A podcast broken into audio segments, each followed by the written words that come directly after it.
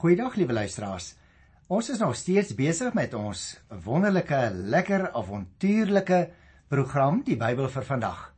Verlede keer het ek vir jou verduidelik dat ek gaan praat oor Stefanus, die eerste Christelike martelaar, en daarom het ek toe verlede keer Handelinge 6 behandel en ook die laaste paar versies uit Handelinge 7, dit wil sê van die 54ste vers af, want dit vorm dan 'n mooi eenheid hoe dat Stefanus uh gekies is deur die gemeente daar in Jerusalem om as diaken te dien, hoe dat hy wonderlike werk gedoen het, hoe dat hy ter wille van sy getuienis van wie die Here Jesus vir hom is, uiteindelik gevange geneem is en hoe dat hy ook gesterf het. Maar hier tussenin, tussen sy gevangeneming en sy steniging, is hy voor die Joodse raad, die Sanhedrin gedaag en ek het toe daardie toespraak van hom in die Sanhedrin uitgelaat en gesê ek gaan 'n hele afsonderlike program daaraan wy omdat ek die eenheid wou behou tussen sy roeping en sy aanstelling en sy sterwe.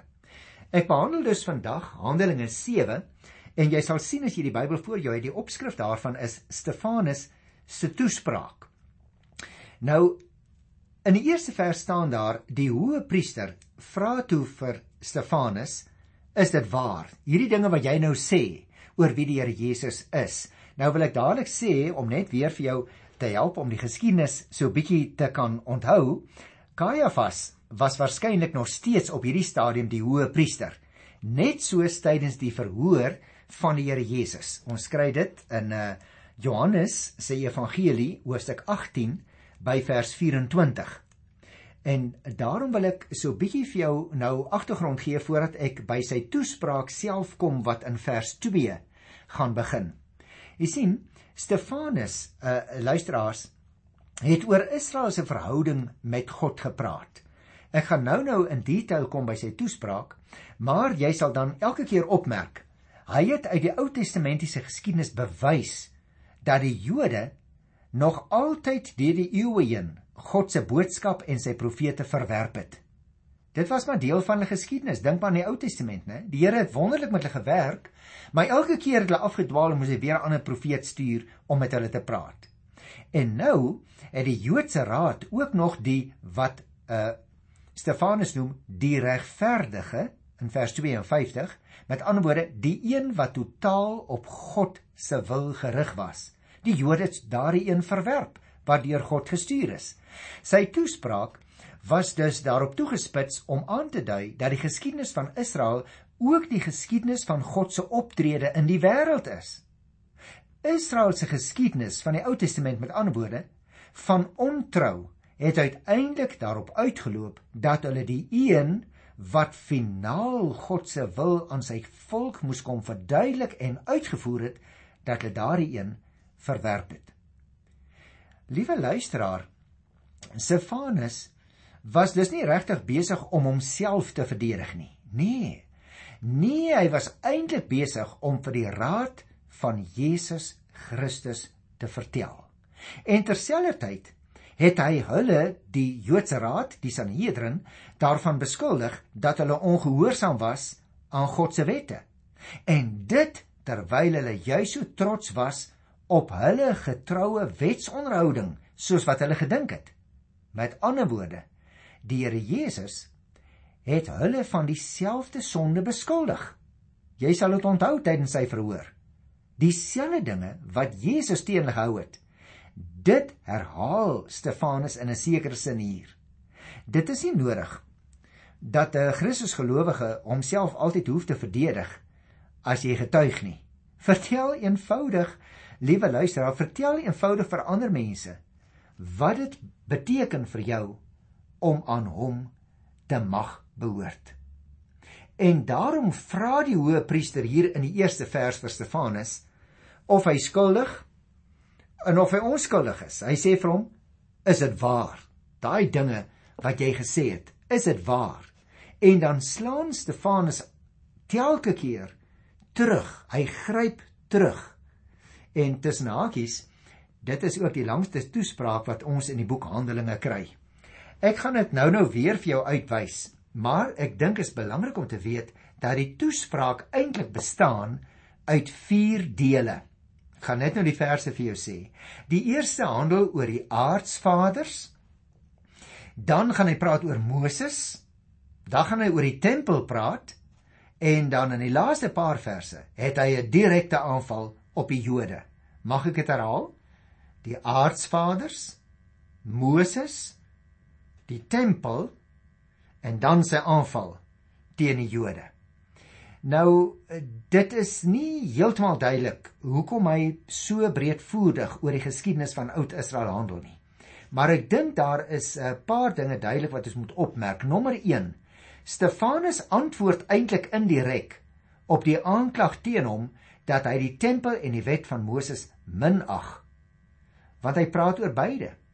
'n Tweede interessante ding wat my opval. Stefanus toon aan dat die Israeliete deurgangs teen God in opstand gekom het. Dat hulle nie nou net terwyl hy lewe en hy daar voor die raad staan, uh nou skielik teen die Here optree nie. Hulle was maar bekend deur die geskiedenis dat hulle altyd wederstrewig was. En die derde interessante ding wat vir my opval is Stefanus vertel die geskiedenis van Moses op so 'n interessante wyse dat verskeie ooreenkomste tussen die Here Jesus en Moses na vore kom.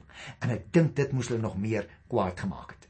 Maar goed, liewe luisteraars, ek het gesê daar's 4 hoofafdelings in sy toespraak en hier is die eerste een.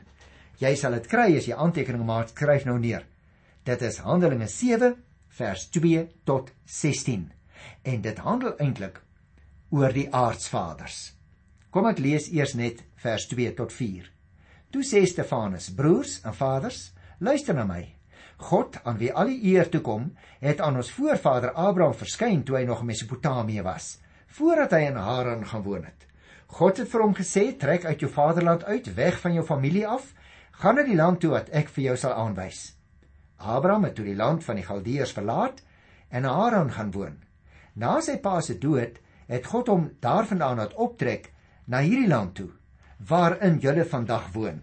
Met ander woorde, eh, broers en susters, hy begin deur vir hulle baie wyd breë lyne te trek en ek gaan ook tussen hakies nie alles lees wat in sy toespraak staan nie, dis te lank. Ek trek ook net die breë lyne. Hy begin baie uh, ver terug in die geskiedenis. Hy sê vir hulle, julle moet net 'n bietjie terugdink en dan sal julle onthou. Volgens Genesis 12 vers 1 was Abraham in Haran toe God hom geroep het. Stefanus dui dus hiermee aan dat God reeds in Mesopotamië met Abraham gepraat het. Met ander woorde, hy sê vir hulle, julle moet onthou, lank gelede al, nog daar in die heidense Mesopotamië, tussen die Tigris en die Efraat. Daar het die Here al begin met Abraham, ons voorvader. Dan sê hy van vers 5 af: God het hom geen eiendom in hierdie land gegee nie, selfs nie 'n handbreedte daarvan nie. Maar hy het wel beloof om dit as besitting vir hom te gee en na hom vir sy nageslag alhoewel hy nog nie 'n kind gehad het nie. Hy sê vir hulle hoor julle moet onthou. Aanvanklik het Abraham geen grond of nageslag gehad nie. Abraham het net een ding gehad: 'n belofte van God. En God het gesê Abraham se nageslag sal bywoners wees in Egipte. Hulle sal met ander woorde woon by die eintlike bevolking van die land waartoe hulle self nie behoort het nie. God het egter ook gesê, so sê Stefanus nou, daarna sal hulle wegtrek en my op hierdie plek dien. Liewe luisteraar, dit is vir my baie interessant. Hy gee vir hulle 'n baie kort oorsig van Oud-Israel se geskiedenis. En hy sluit in hierdie eerste afdeling af deur te sê uit jaloesie, ek's by vers 9. Uit jaloesie het die stamvaders vir Josef as slaaf verkoop, soos hy Egipte toe. Maar God was by hom en het hom uit al sy ellende verlos. Met ander woorde, hy verwys na Abraham, dan Isak en dan uiteindelik aan Jakob. En hy sê hierdie voorvaders wat uit hulle gebore is. Hulle is julle voorvaders. En nou is dit my interessant, liewe luisteraar, dat hy daar in vers 14 praat van 75 ehm um, mense wat laat haal is. Hy is dus besig om vir hulle te sê, hoorie, ons staan vandag hier in hierdie groot vergadering. Maar ek wil vir julle sê, die Here het lank gelede met ons voorvaders begin. En ons is maar uiteindelik die nageslag. Maar hy sê behalwe ons voorvaders met wie die Here begin het, wil ek vir julle 'n tweede figuur uitlig, naamlik Moses. En daardie tweede deel van sy toespraak kry mens dan in vers 17 tot by vers 43. Luister mooi, begin vers 17. Teen die tyd dat God die belofte wat hy aan Abraham gegee het sou uitvoer, het die volk in Egipte reeds tot 'n groot getal aangegroei. 'n Nuwe koning wat nie vir Josef geken het nie, het egter in Egipte aan bewind gekom en hy het 'n slim plan teen ons mense beraam en ons voorouers wreed behandel. Nou moet jy oplet hoe volg uh Stefanus die geskiedenis. Van die aardsvaders af spring hy na Moses toe in Egipte land. En hy sê julle moet onthou, ons voorvaders is daar baie wreed behandel. En in die tyd van Josef het dit juis so gekom dat daar iemand op die troon was wat nie die geskiedenis geken het van ons mense nie. Nou heel waarskynlik, liewe luisteraar, verwys Stefanus hier vers 19 uh na die dwangarbeid. En dan moet jy oplet, dan vertel Stefanus van 3 maande. Dit was natuurlik nou die 3 maande na Moses se geboorte, hoe hy versorg is deur sy eie suster uh en hoe hy uiteindelik nie omgekom het saam met 'n hele klomp ander kindertjies wat doodgemaak is nie, maar hoe dat hy gered is en hoe dat hy groot geword het aan die paleis in Egipte land. Hy sê daar in die 23ste vers of 40 jaar geleefdheid het die verlange by hom opgekom te gaan kyk hoe dit met sy mense, sy volk gaan. Toe hy sien dat een van hulle Egiptenaar deur 'n Egiptenaar mishandel word, het hy die slagoffer gaan help. Stefanus vertel dus die geskiedenis van Moses se grootword daar aan die hof en dat hy toe hy 40 jaar oud was, die begeerte gehad het om sy eie mense se lot te beskou. En hoe hy toe daar uitgegaan het uit die paleis en gaan kyk het hoe wreed word hulle eintlik regtig behandel deur die Egiptenaars. En dan by vers 30 sê hy 40 jaar later het 'n engel in die woestyn by Sinaï berg in die vlamme van 'n brandende doringbos aan hom verskyn. Met ander woorde, hy neem daardie drie groot periodes in Moses se geskiedenis. Jy onthou dit miskien nog. Kom ek noem dit gou vir jou. Die eerste 40 jaar min of meer aan die hof in Egipte land. Die tweede 40 jaar wat hy daar saam met sy skoonpa geboer het, hoe hy vrouens gekry het, hoe dat hy uh kinders gekry het en hoe dat die Here toe op 'n dag met hom gepraat het en vir hom gesê het jy moet teruggaan, jy moet jou mense gaan verlos. Jy onthou nog, liewe luisteraars, ek het die geskiedenis vir jou vertel dat 'n mens Moses se geskiedenis in 3 periodes van 40 jaar kan indeel. Eerste 40 jaar aan die Egiptiese hofhouding. Tweede 40 jaar in die woestyn waar hy geleer het van die woestyn en oorlewing in die woestyn. Boerdery metodes geleer het, daar by sy skoonpa. En dan sy laaste 40 jaar toe die Here hom teruggestuur het na Egipte en hy die volk moes uitlei en hoe hulle vir 40 jaar in die woestyn getrek het. So dit is die tweede groot stuk uit die geskiedenis wat Stefanus vir hulle opsom daar voor die Sanhedrin. En dan kom ons by die derde groot aspek van die geskiedenis wat hy uitlig en ek gaan ook kortliks net daardeur hoe hy dan praat oor die tempel. Dit was dus nommer 1 die aardsvaders, nommer 2 Moses. Die derde afdeling in sy toespraak, die tempel. Jy kry dit as jy dit aanteken in hier in Handelinge 7 by vers 44 tot by vers 50. Kom ek lees so 'n stukkie daarvan. Hy sê 44 Ons voorvaders het die tent met die getuienis by hulle in die woestyn gehad. Moses het dit op bevel van die Here gemaak. Volgende slag vers 45 het die tent ontvang en dit saamgeneem toe hulle onder leiding van Joshua die land in besit geneem het. So hy vertel vir hulle die geskiedenis van die tempel. En ek dink dit is belangrik, liewe luisteraars, dat ons dit sal raak sien want aanvanklik was dit 'n tentheiligdom. Later eers in uh, koning Dawid se tyd sou die tempel in Jerusalem eers gebou word. Nou dit lyk vir my die doel van hierdie gedeelte oor die tempel is om dit te sê. Al is die Here vereer in 'n tent, later in die tempel, woon hy nie daarin soos die afgode geglo het nie. Die tabernakel word die tent met die getuienis genoem omdat God hom daar aan Moses betuig of openbaar het. Moses het die tabernakel laat maak ooreenkomstig 'n voorbeeld wat die Here hom laat sien het. Die tempel is nie deur Dawid gebou nie, mense, sowel ehm um, Stefanus sy luisteraars laat verstaan. Dit is die Here wat dit deur Dawid wou laat oprig het maar God het 'n ander plan gehad as wat Dawid gehad het, né? God woon nie in die tempel nie. Dit is deur mense gemaak. Hy woon in die hemel. Hy is die allerheiligste. Hy's verhewe bo die hele aarde en alle bouwerke. Gaan lees maar vers 44 tot 50 dan sal jy dit sien. Nou liewe luisteraar, nou stel ek my voor hoe die Joodse Raad of die Sanhedrin hoe dat hulle hare begin regop staan het want vir hulle het dit alles gegaan om die tempel. En hier kom hierdie man en hy sê hoor die tempel is nie so belangrik nie. Dis net 'n gebou. God woon nie in 'n gebou nie. En dan bring dit ons by die 4de afdeling van sy toespraak.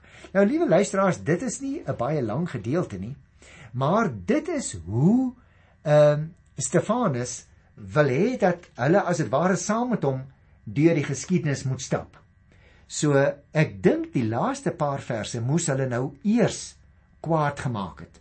Want jy sien, uh Stefanus is daarvan beskuldig dat hy dinge teen die tempel gesê het. Onthou, dit was deel van die klagte. Daar by die 13de vers in hoofstuk 6 is al daarop gewys.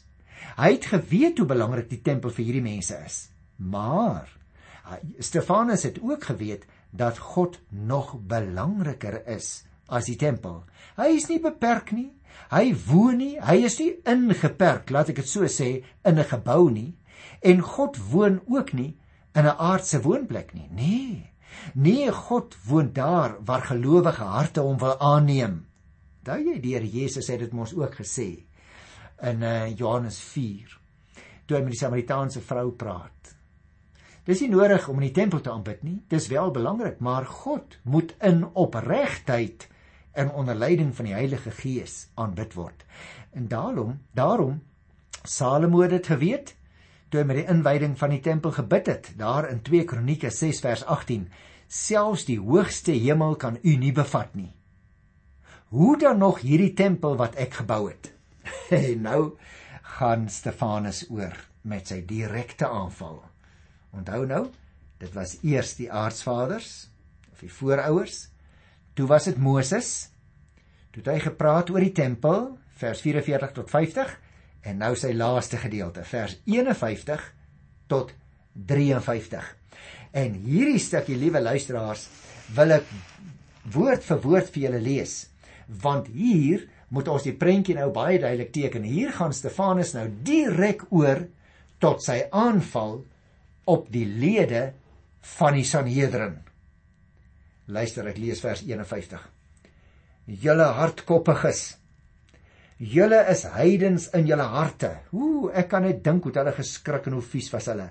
Hy sê, julle is doof vir die woord van God. Julle weerstaan altyd die Heilige Gees. Soos julle voorvaders gemaak het, maak julle ook. Was daar ooit 'n profeet wat nie deur julle voorvaders vervolg is nie? Hulle het God se boodskappers doodgemaak wat lank tevore die koms van die regverdige aangekondig het. Nou het julle self die regverdige verraai en vermoor. Ek dink hulle was verskriklik kwaad. Julle is die mense wat deur bemiddeling van engele die wet van God ontvang het en tog het julle dit nie gehoorsaam nie. Liewe luisteraar, ek kan my amper nie voorstel as ek hierdie prentjie in gedagtenis of in herinnering moet roep hoe kwaad hierdie ouens moes geweet het nie, want hy val hulle direk aan. Hy sê in sy vertelling van die aanval op die Jode vat Stefanus nou een van die hooftemas van sy toespraak saam, naamlik dit: Die Jode verset hulle teen God net soos hulle vaders. En daarom hier in vers 57 demonstreer die Jode met die toedruk van hulle ore hulle doofheid waarna Stefanus verwys het. Ek dink as ek dit so lees, 'n voorbeeld van 'n profeet wat gedood is, word genoem byvoorbeeld in 2 Kronieke 24 vers 20 en 21. En as hy nou sê van hierdie regverdige een wat gedood is, natuurlik nou verwys hy na die Here Jesus. Want die regverdige is Jesus wat so genoem word omdat hy totaal op God se wil gerig was. Die Jode het Jesus verraai deur hom aan die Romeine oor te lewer. En liewe luisteraars, dit was 'n ou Joodse tradisie dat die wet deur bemiddeling van engele vir Israel gegee is.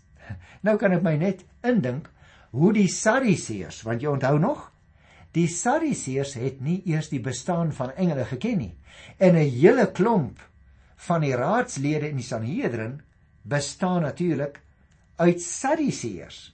So hulle moes nog meer vies gewees het vir hierdie toespraak wat hulle hoor. In vers 52 sê dit baie pertinent. Was daar ooit 'n profeet wat nie deur julle voorvaders vervolg is nie? Hulle het God se boodskappers doodgemaak wat lank tevore deur die koms van die regverdige aangekondig is. Nou het julle self die regverdig verraai en vermoor. Jy sal nog onthou luisteraar, Baie van die profete in die Ou Testament is vervolg. Dink maar aan Jeremia. Gaan kyk daar in Jeremia 38 vers 1 tot 6. Of Jesaja. Uh hy is volgens die oorlewering deur koning Manasse doodgemaak. Gaan kyk maar in 2 Konings 21 vers 16 kry ons so 'n verwysing. Of dink maar luisteraars aan Amos. Amos 7 vers 10 tot 13 of Sagaria Ons lees van hom daar by 2 Kronieke 24 vers 20 tot 22 of selfs Elia wat so swaar moes kry aan die hand van sy eie mense 1 Konings 19 vers 2. Met ander woorde Jesus het ook vir die mense 'n gelykenis vertel oor die Jode se voortdurende verwerping van God se boodskap en die vervolging van die boodskappers. Jy onthou dit nog daar uit Lukas 20 vers 9 tot 16. So hy is dus besig om vir hulle te sê hierdie regverdige oor wie ek getuig en van wie ons as Christus gelowiges julle vertel. Hierdie regverdige het sommer nog onlangs vir ons die gelykenis vertel van hoe dat mense God se boodskap verwerp het.